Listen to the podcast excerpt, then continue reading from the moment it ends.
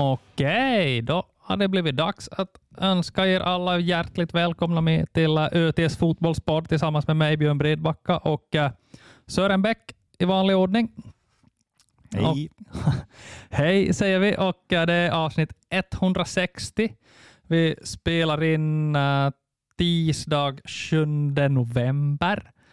Det är några dagar sedan Jaro gjorde officiellt vem som blir ny tränare Eh, för klubben här kommande säsong. Uh, och uh, ja, Sören, det har varit en process som har pågått några veckor. Det har bubblat ganska mycket under ytan, olika grejer och det här har vi lite tänkt att vi ska gå igenom den här gången i podden. Vad har egentligen hänt i Jaro och vad har inte hänt i Jaro sedan Steven Ward avskedades och äh, tränarrekryteringsprocessen körde igång. Ja, vi är ovanligt bra förberedda. Du har till och med plitat ner några datum här på en lapp. Ja, faktiskt. Vi har, eh, vi har förberett oss idag med en, en, en hel liten anteckning.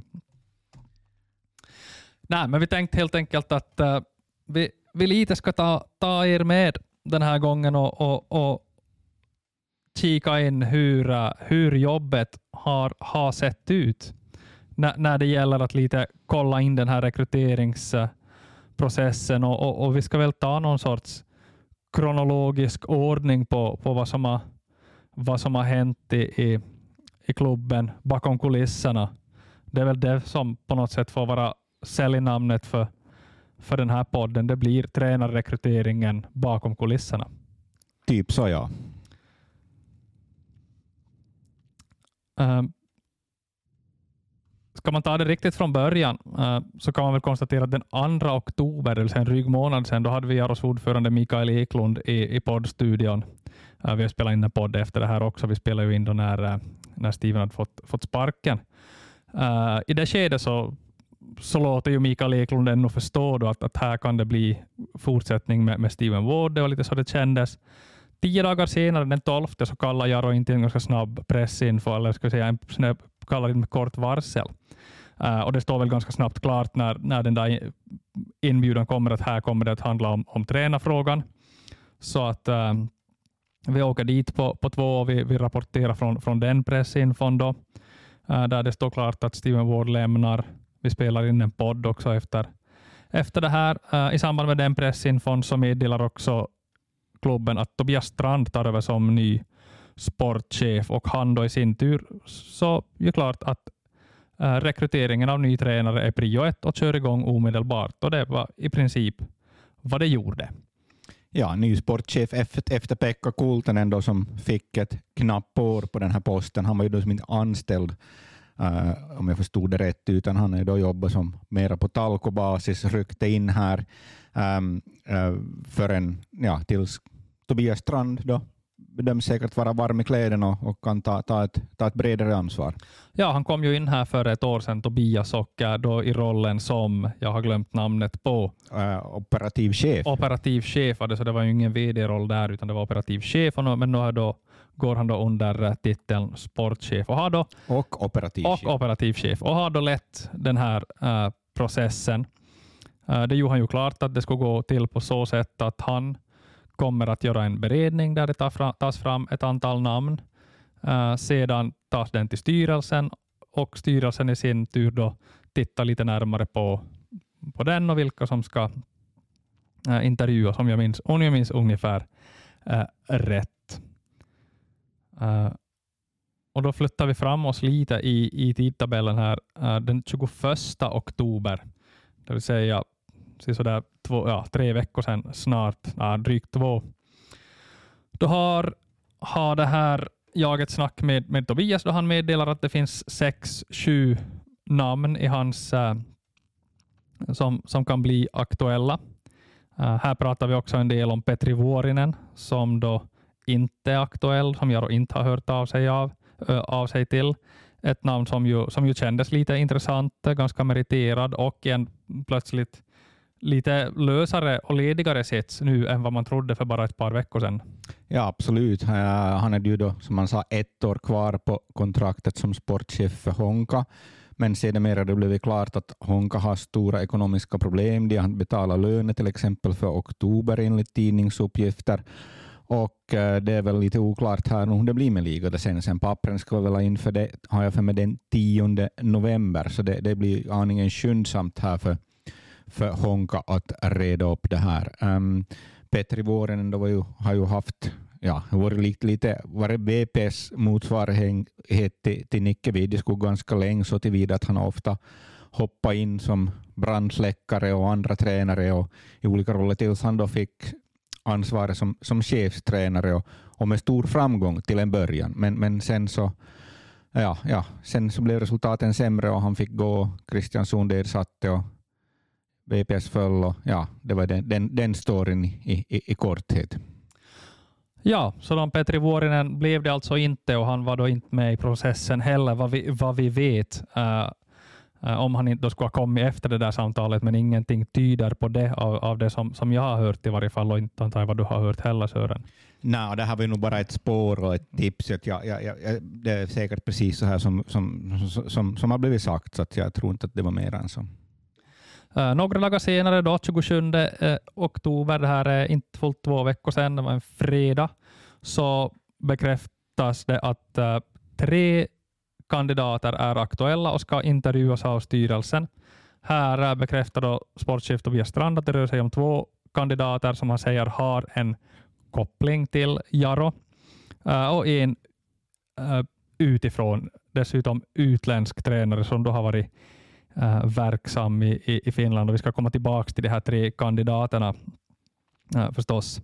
Men vi, vi fortsätter den här lilla kronologiska axeln här så kommer vi fram till tisdag 31 i tionde, det vill säga ganska exakt en vecka sedan, eller till och med exakt en vecka sedan nu när vi spelar in, så gjordes de här tre intervjuerna äh, av Jaros styrelse och äh, ett av namnen som då förstås intervjuades så var Niklas Widjeskog. Eh, han som då sedermera också blev vald. Och eh, ett par dagar efter det här, i torsdags, så då Sören, då, då började det hända lite saker. Då började din telefon ringa, min telefon började ha, ha ljud uh, där mot kvällskvisten, så där som det brukar vara. Och det var i övrigt då som det brukar vara. Du var på någon semesterresa och jag hade så kallad ledig kväll. Uh, och uh, vi pratades vid några gånger. Du var ibland i Warszawa, ibland i Helsingfors när vi pratade och, uh, satt och funderade hur vi skulle göra. Uh, men här började det då höras ganska tydliga signaler om att uh, Niklas Widjeskog skulle bli Jaros nya tränare.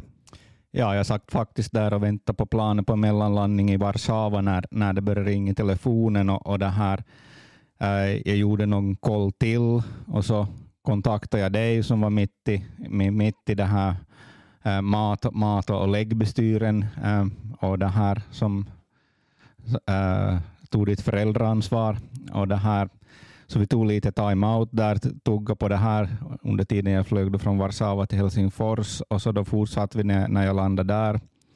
Jag väntade på ett par timmar till, till nästa plan. Jag var i telefon precis hela tiden med dig och några andra. Och, ja, alltså sen, sen, sen för vi for vidare så bestämde vi då att, att vi, vi kör, att vi, vi, har, vi, har, vi har så mycket pass mycket kött på benen, vi har äh, äh, så många olika samtal som tyder på samma sak.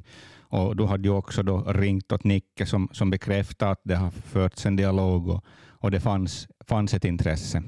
Ja, äh, jag var som sagt i kontakt med Niklas Widjeskog där på kvällen som, äh, som ju inte bekräftade no, att någonting var klart Uh, och, och, men vi kan väl säga att, att vi hade, vi hade några, några det här, uh, ja, bekräftelser som, som kändes mer än, mer, mer än halvt säkra så att säga. Så att, uh, det är klart att 100% säkra kunde vi inte vara i det där skedet så, och det syns ju förstås också i, i publiceringen att, att den, den var inte tvärsäker men, men mellan raderna så, så var det i alla fall då lite mer än ett halvt avslöjande om att det här är nog klart nu. Det blir eh, Niklas Vedjeskog och det var nog en publicering som vi kände oss ganska, eh, ganska trygga i där på torsdagskvällen. Ja, det var ju det här enligt ÖTs uppgifter då, som vi måste köra med regelbundet förstås när man inte kan äh, uppa sina källor, så då kör man enligt ÖTs uppgifter. Och, och när man inte har en källa som man kan namnge, så då, ja, det är bra att kolla med flera sådana källor i så fall. Äh, ja, mm, det, så man inte har fel helt enkelt. Man kan ju ändå trots allt ha fel, men, men, men det var, man är tillräckligt säker. Ja, och det var väl den bedömningen vi gjorde den här, den här torsdagskvällen och det visade sig då stämma. Eh, sedan på, på fredag så, så meddelar Jarro att man på lördag ordnar ett pressinfo eh, och har, har då nyheter. Här kan vi förstås bara spekulera, det har inte jag fått på något sätt bekräftat från Jarro, men eh, eh det brukar ju kunna vara så här att när, när en boll sätts i rörelse så måste den på något sätt fångas upp så snabbt som möjligt. Och, uh, jag kan väl tänka mig att Jaros plan A inte var ett pressinfo på lördag förmiddag på, på allhelgona, uh, utan här brukar det ju vara så att när, när uppgiften så att säga är ute så, så, så brukar det bli ganska snabbt det här offentliggörande och det kanske var det som hände också den här gången. Ja, det är mycket möjligt. Det här jag kollat upp. Som sagt, jag har varit ledig här nästan tre veckor, med två, över två veckor, men, men äh, det är mycket möjligt när du ringde åt Nicke på torsdag, som inte jag hunnit prata med ännu förresten, så, så det här, um, så, så kan det vara det var precis som Nicke sa, att från hans perspektiv så, så var det inte klart än och de hade väl haft styrelsemöte just där på torsdag när vi kom ut med de här uppgifterna. Så att, att dialogen och det här slutförandet av diskussionerna med, med, med Nicke så var möjligtvis inte avslutade då ännu. Nej, det är ju, så är det ju. Sä, säkerligen att jag tror inte att, att någon har så att säga, ljugit i den här processen. Exakt så där är det väl och det är så där det brukar gå till ungefär.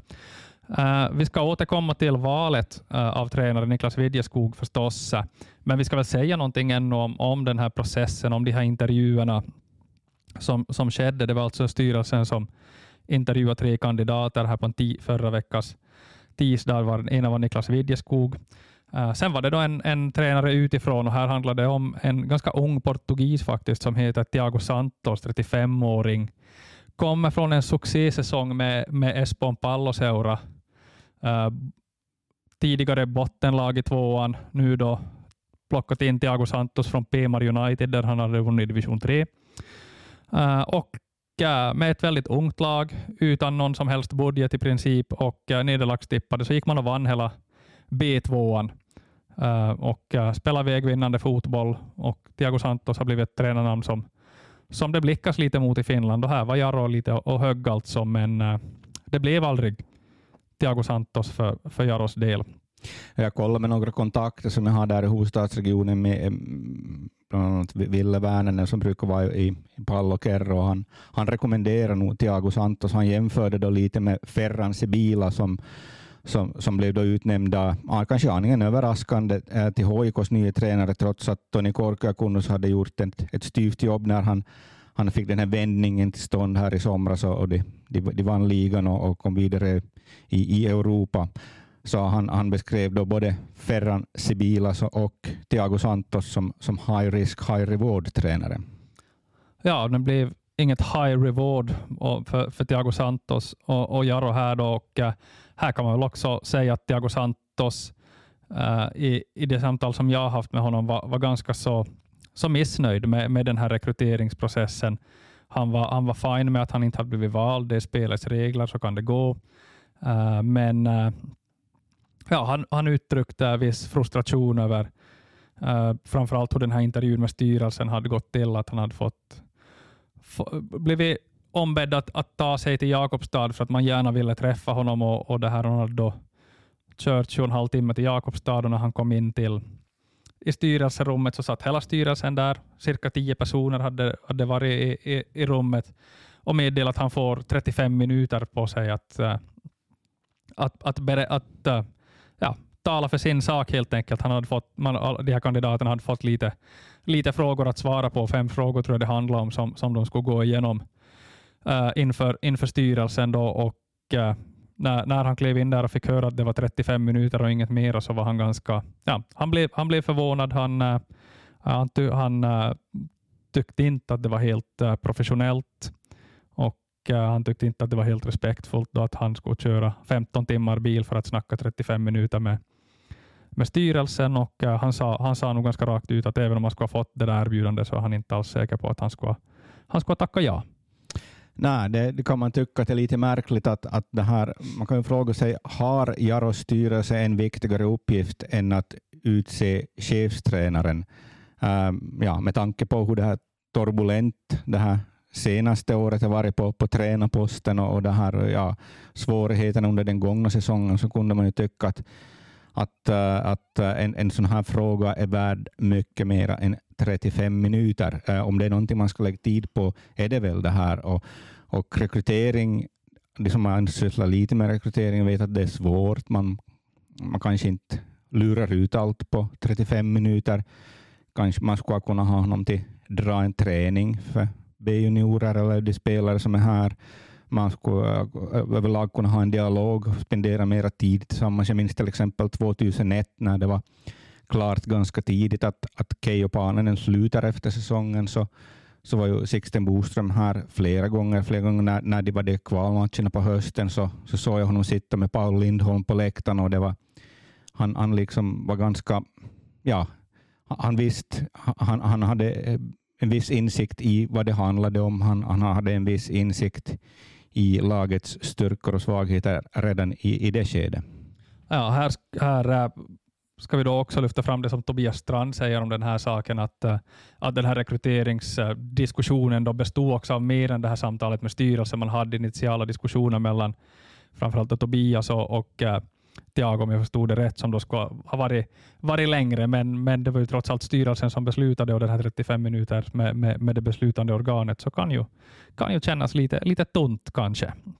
De hade ju förstås, eh, förstås då fått ta del av den här Tobias beredning också, där han då säkert hade äh, presenterat Tiago enligt, enligt det liksom, de vibbar han hade fått under de här inledande diskussionerna. Men, men här var nog Tiago ganska, ganska besviken och sa att det här, det här liknar nog ingenting som han har upplevt på på andra håll i, i liknande situationer när han har varit på arbetsintervjuer i, i diverse klubbar. Nej, då ska vi komma ihåg att om vi tar det här portugisiska tränarskrået som sagt, det blev ju med, med det här då, din, din, din hjälte Jose Mourinho slog igenom här med Porto och sen Chelsea, så, så han gav ett väldigt luft åt de här portugisiska tränarna och de har ju en, en väldigt hög universitetsutbildning inom fotbollen, så alltså det, de, har, de spottar ut eh, seriösa tränare. Alltså det, det, som sagt, frågan om en universitetsutbildning um, uh, och, uh, och, och de spottar ut jättemycket tränare. Det är svårt för dem att, att helt enkelt svälja, svälja det här, vad jag har förstått, de som har pratat med mig, insikt i, i Portugal och portugisiska spelare och tränarmarknaden. Så därför kommer de de blir tvungna att söka sig till den här nivån, typ EPS eller, eller Peimar var det väl som han hade varit i tidigare, äh, Thiago Santos. Att det, det är liksom ett stenhård konkurrens här. Och, och det, här det här är ju liksom, ja, som sagt akademiskt utbildade fotbollstränare och, som, som kanske pratar, eller som jag är förhållandevis säker på att pratar ett helt annat språk, eh, annat språk än de här som, som, som sitter i Jaros styrelse, de flesta i alla fall. Så är det förmodligen. Uh, nu ska väl det här eh, inlägget då inte, inte ses på något sätt som, uh, som ett inlägg i en debatt om att Jaro skulle ha valt fel tränare. Det kan ju mycket väl hända att Jaro har valt helt rätt tränare. Det kan ha funnits givna orsaker till att man, uh, till att man inte valde Thiago Santos. Det vet, det vet jag ingenting om. Uh, men jag tycker att den här diskussionen är värd att lyfta just på grund av den här diskussionen som ju då har varit mycket kring Jaro nu med, med den här rädslan att ta in någonting nytt på tränarposten. Uh, det har ju förstås varit ett hett diskussionsämne nu också i, i samband med den här processen. Uh, och uh, Där läste jag till exempel i Fotis Extra att, att Tobias Strand sa att, att, att tränar, var tränaren kommer ifrån, om man är lokal eller någon annanstans ifrån, det spelar ingen roll. Uh, sedan när, när det då var klart med ny tränare, då hette det då igen att uh, det är en stor styrka att han kommer härifrån och kan kan uh, förhållandena här. Och det är klart att på något sätt är det ju, är det, ju det. Uh, och, uh, och det skulle förstås bli intressant att följa, följa Nicke och, och, och liksom att, att Jaro, Jaro inte väljer Thiago Santos, så det skulle inte på något sätt ligga, ligga, ligga Nicke Vidjeskog i fatet. Han skulle ju få sin, sin ärliga chans på det sättet, men, men eh, det är klart att det, den här diskussionen kommer upp nu när eh, Jaro på, under en eh, period sedan, ja, blir det då sensommaren 2009, det vill säga drygt 14 år, har haft är det ett år med Christian Heems. I övrigt har man bara haft lokala eller på sin höjd då regionala tränare. Mm, så är det. Och, och, om man tänker oss Jakobstad, som, om man ser den stora bilden, vi, vi är ju en, vi är en handelsstad, eller vid kusten, vi har hamn, vi har internationell stad med, med, med finländska mått mätt i alla fall, vi har eh, influenser från Sverige och så bortåt. Eh, eh Jaro historiskt har ju tagit in mycket tränare utifrån. Du minns kanske inte Ulf Larsson som, som han körde, körde till skillnad från uppgifterna i år, att man kanske inte tränar tillräckligt mycket fysik, så då sprang man jätte, jätte, jätte, jättemycket fysik och det var i Sandåsen upp och ner på vintrarna. Där fanns ju ingen Tellusal, det var kring 1980. Spela upp dem då eh, från division 2 vill jag minnas. Uh, sen har vi haft Richard Wilson, vi har haft Hannu Touro, uh, ja, you name it. Vi alltså har mycket, mycket tränare utifrån, Mika Laurikainen, Veijo Wahlsten, mm. Janne Westerlund, vi testade på det svenska spåret. Mm. Morinen. Mm, så, så det hade till saken hör väl kanske att det här, vad jag vill minnas, så kanske inte de här riktigt seriösa tränarkandidaterna fanns i samma utsträckning här lokalt heller vid den tidpunkten. Att det, de här influenserna behövdes faktiskt. Och, och många av de här säkert bidrog på många sätt. Till exempel Nicke Widjeskog som, som spelade ett år med, med Janne Westerlund så har ju sagt att, att, att han blev starkt påverkad. Det var ju ett väldigt motigt år Eh, som, som han var här och gör och föll, men, men, men att han, blev ändå, att han tog, tog stort intryck av, av Janne Westerlund. Ja, men som sagt, nu börjar det vara några år sedan det kom en, en tränare utifrån och, eh, eh, och som sagt, det är inte Nicke Vidjeskogs fel att han, han blev vald. Han får börja från, från noll så att säga och med, med, med fullt förtroende och, och allt det här från supportrar. Något annat kan man väl inte, inte tänka sig, men, men eftersom den här diskussionen pågår så behöver den ju förstås lyftas här i, här i podden också och uh, synas lite. Uh, men, ja, ja, om man då säger att, att Thiago Santos då ska vara, vara en high risk, high reward uh, kandidat så, så känns ju då kan man, Nicke Videskog känns ju på, till den delen tryggare, att man, man vet mera vad man får. Uh, uh, vi känner Nicke Vidjeskog och Nicke Vidjeskog känner oss. Så till, och han har ju en lång, lång historik i, i klubben, spelar i Aro, uh, typ varit säkert närmare tio år B-juniortränare och så där. Många av de spelarna som nu är med så har han haft som, som, som B-junior, till exempel då en Severi Kähkönen som var helt på väg att sluta med fotboll i B-junioråldern.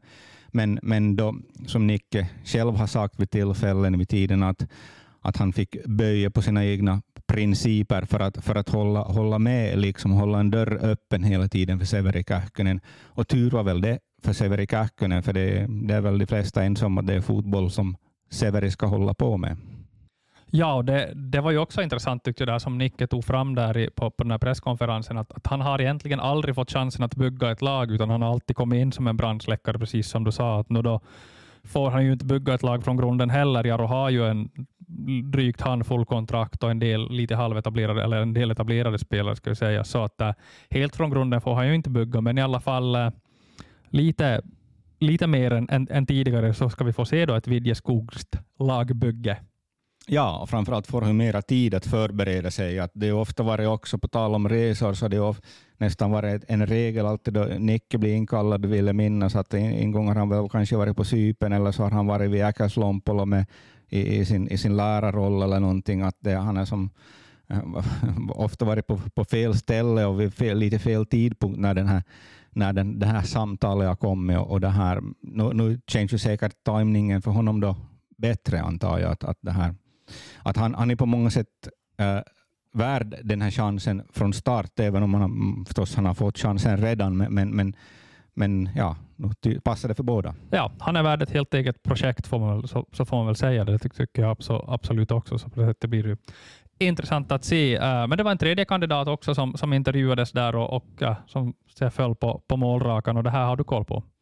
Ja, jag faktiskt hade ett, ett, uh, en, ett, en, en, ett matchlångt samtal med, med Alexej Jeremenko till, till, till Narva här idag och han, han var den tredje kandidaten och han intervjuades då han han, han, han kö, behövde inte köra upp från Narva utan han, det gjordes då via, vi, vi, digitalt, uh, den, den här intervjun.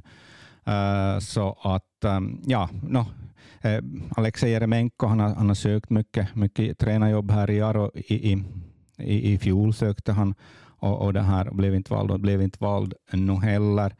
Jag kan väl tycka att äh, på något sätt om, om man intervjuar Jeremenko, och allihop borde ju känna honom, i och för sig borde ju allihop känna rätt bra till Nicke Videskog också, så äh, men med tanke på att han ändå har gjort vad det, sju år som chefstränare och allt det här, att om han har kommit så här långt så, så, så borde han på något sätt, ja, att, att, att det, det ska hända någon intervjusituation eller något sånt för att han inte ska bli vald på något sätt. Att, att annars så ska han vara bort som i ett tidigare skede. Att, att det är lite svårt att förstå att han har kommit så här långt, äh, blivit bland de tre som blev intervjuade. Äh, man kan tycka att det är nästan överflödigt att intervjua Jeremenko eftersom man borde känna till honom och hans verk och, och honom som person. Äh, men ja, nu, nu blev det så där. Det känns väl lite konstigt i, i, i sak, det kan jag tycka. Ja, det får man väl hålla, hålla med om. att jag, jag, var, jag var själv lite förvånad över att Alexej Jeremenko var en av de här, de här tre. Jag har ju hört att det har ryktats om det, men jag har själv inte riktigt, inte riktigt trod, trodd på det just av de där orsakerna som, som, som du sa. Att, att jag tänkte att, att den här styrelsen så så är, är kanske inte riktigt redo att, att plocka in Alexej Jeremenko. Det är kanske lite så som ja, ja, så som det har, som det har, har, har låtit och, och, och det här. Men, Eh, men då tog man honom så långt, till, som, så långt som till intervju. Och, eh, men, men det blev inte Alexej Jeremenko den här gången då heller, utan eh, nu är det så att det är Niklas Widjeskog som, som då tränar FF Jaro 2024 i varje fall. Det här kontraktet är på, på ett plus ett år. Och ja, jag vet inte om man ska summera den här, den här rekryteringsprocessen som vi var in på. Eh, Niklas Widjeskog, absolut värd chansen.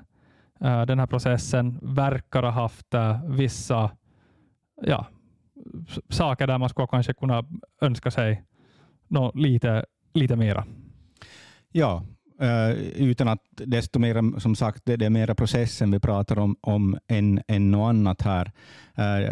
En intressant sak som när jag pratar med, med, med Jeremenko som nu desto mer velat kommentera kommentera officiellt det här valet och så sa han, han sa de här standardsakerna som han brukar säga att, att äh, man gör sina val och så tar man ansvar för sina val och så, och så går, man, går man vidare ungefär det, det, sa han om det, men han, han gjorde en referens till sig själv på något sätt. Att han, var ju, han hade ett år bort från fotbollen då efter Spartaks Jurmala och det här lite överraskande då att, att han av, av privata orsaker som inte han har velat gå ut med i offentligheten så, så det här Eh, så, så, så ville han väldigt gärna vara här eh, för ett år sedan och, och det var ju väldigt förstås överraskande att han, han dyker upp i SEIK av, av alla lag, men han, sa, han kände att, att han kunde, kunde inte liksom vara bort från det här, det här, det här dagliga fotbollen och längre, för att, att man blir som rostig, man kommer ur rytmen med allt vad det betyder av, av att förbereda sig för en säsong, planera en säsong, äh, gå igenom matcher, förbereda matcher allt det här, att, att han, han liksom redan kände efter ett år att han var lite sådär smårostig. Då tänkte jag förstås till exempel på Steven Wood som, som egentligen inte har varit inne i den här processen uh, på 20 år sedan han var i VPS för 20 år sedan. Uh, åtminstone inte med, med, som chefstränare. Så, så det här, um, ja, så det, det liksom ja, det, var, det var en sak jag tänkte på, att det, det kan just vara så. Alltså, jag, jag märkte själv när jag kom efter att ha varit en, två, tre veckor bort från jobb, så började man fundera på vad hade jag för lösenord och ja, hur, hur gjorde vi det här och hur gjorde vi det här? Att, att det här man, man blir snabbt frånkopplad från, från, från sina rutiner på något sätt. Ja, om vi ändå ska ta en tråd när det gäller de här kandidaterna så, så, ska jag gå, så tänkte jag vi ska prata lite filosofi, fotbollsfilosofi. Eh, uh, där var det intressant för att uh, när det gäller den Jeremenko, uh, när det gäller Jeremenko-fotbollen så vet vi ju alla vad den bygger på. Den bygger på, på maximalt bollinnehav och, och det här tänket att så länge, så länge vi har bollen kan motståndarna inte göra mål. Uh, då var det intressant att, att höra på Uh, på Thiago Santos som ju då inte kommer från den här spanska traditionen utan den här mer direkta portugisiska uh, traditionen där man vid bollerövring vill gå väldigt snabbt på mål, göra snabba saker med bollen uh, och, uh, och hota så gott som genast hellre än att rulla runt och tålmodigt vänta på, på rätt löpningar, på rätt lägen, på rätt situationer.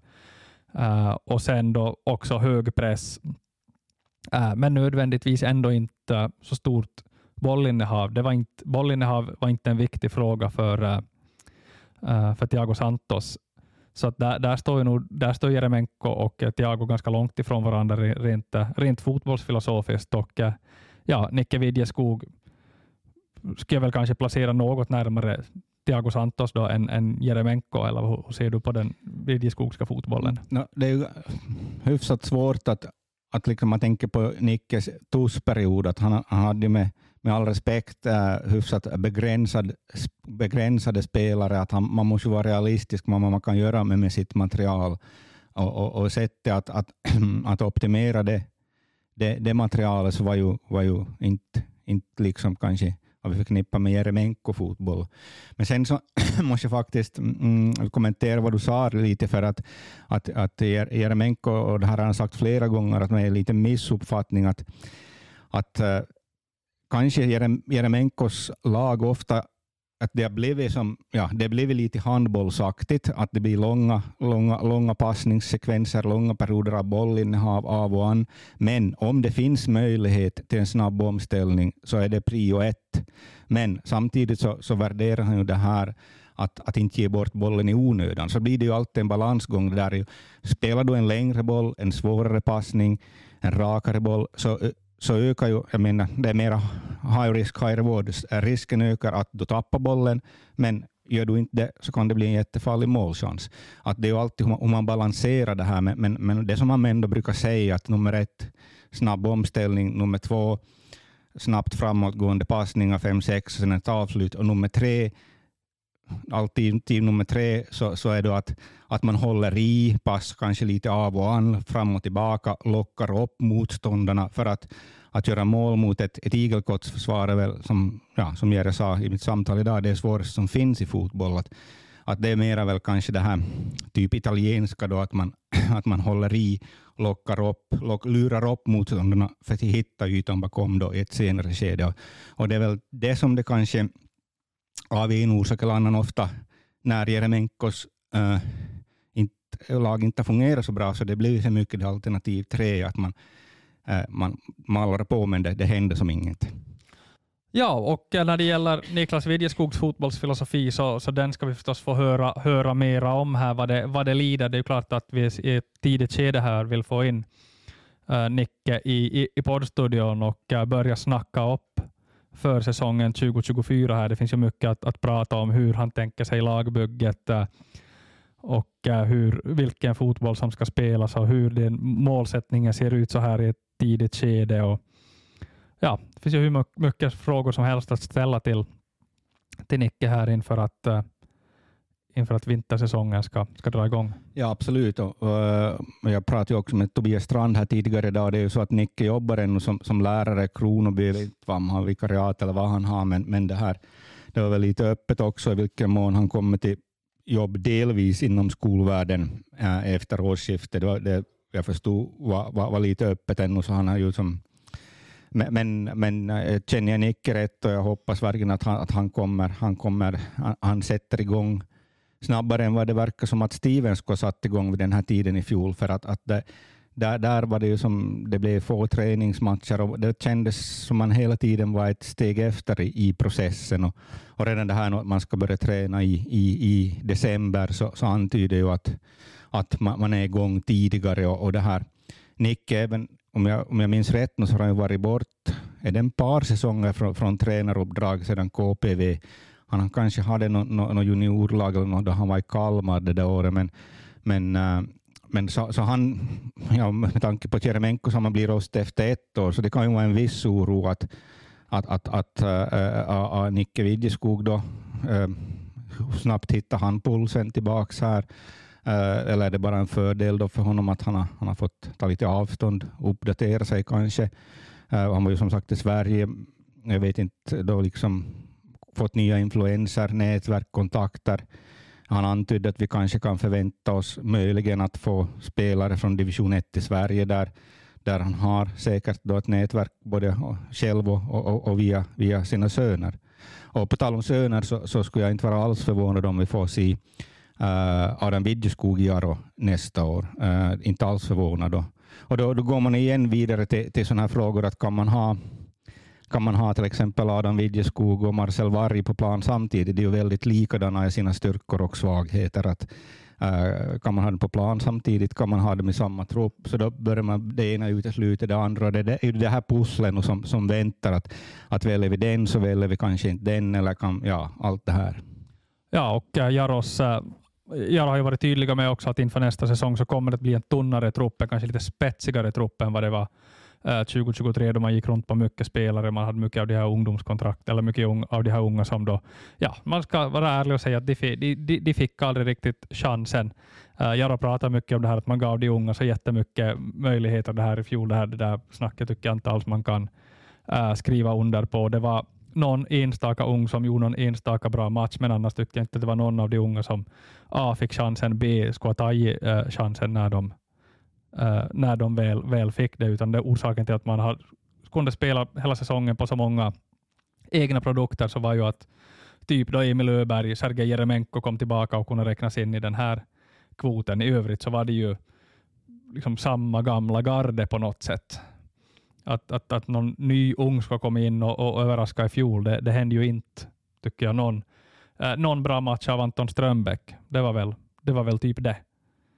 Mm, utan att man kanske kan prata om, om genombrotten. Då, att, att det som är kanske lite bekymmersamt när vi hade den här 02-födda generationen som tog FM-silly med Nicke Widjeskog, och de var ju, spelade ju bra som lag, men, men det här till och med därifrån, okej, okay, Adam Marje var den klarast lysande stjärnan förvisso, han var med mer som B-junior, men uh, han spelar ju Riga idag och, och blev uttagen förresten idag igen till, till, till, till U21-landslaget. Uh, eh, men uh, det har varit väldigt tunnsått men alltså de här som har kommit fram under senare år har, har svårt att ta den här platsen, så att säga, att, att etablera sig ens på, på, på den näst högsta serienivån i Finland. Att, att den här spetsen saknas lite. Att det, det vi har haft i spetsväg är väl då Isak Vidjeskog, Simon Uusitalo, men de försvann ju redan eh, som B-juniorer förrän de spelade nämnvärt med, med, med, med seniorfotboll. Så att, att eh, Ehm, um, här, här, borde man kanske inom Jaro-koncernen, som Mikael Eklund pratar om, också fundera lite kring, kring det här med, med hur den här talangutvecklingen uh, kunde kanske optimeras på ett bättre sätt.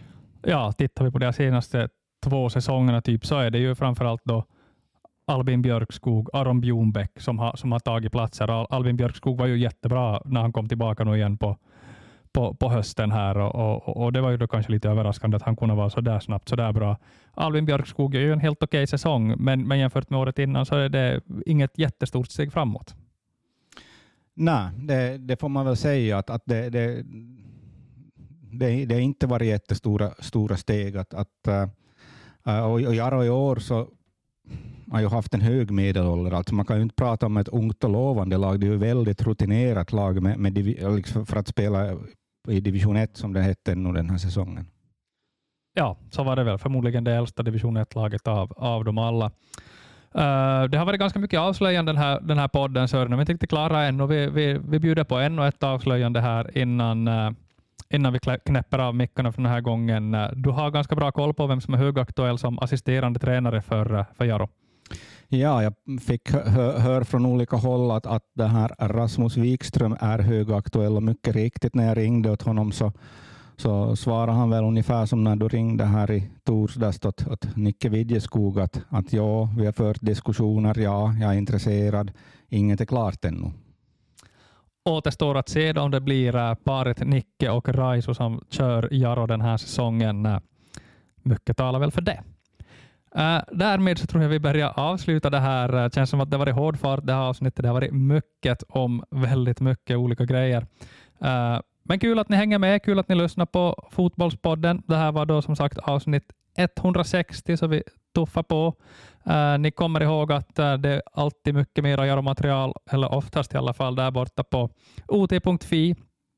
Följ oss också gärna på sociala medier, där får ni snabba uh, snabba det här reaktioner på när det, när det händer någonting så ni genast ser att, att det är grejer på, uh, på gång.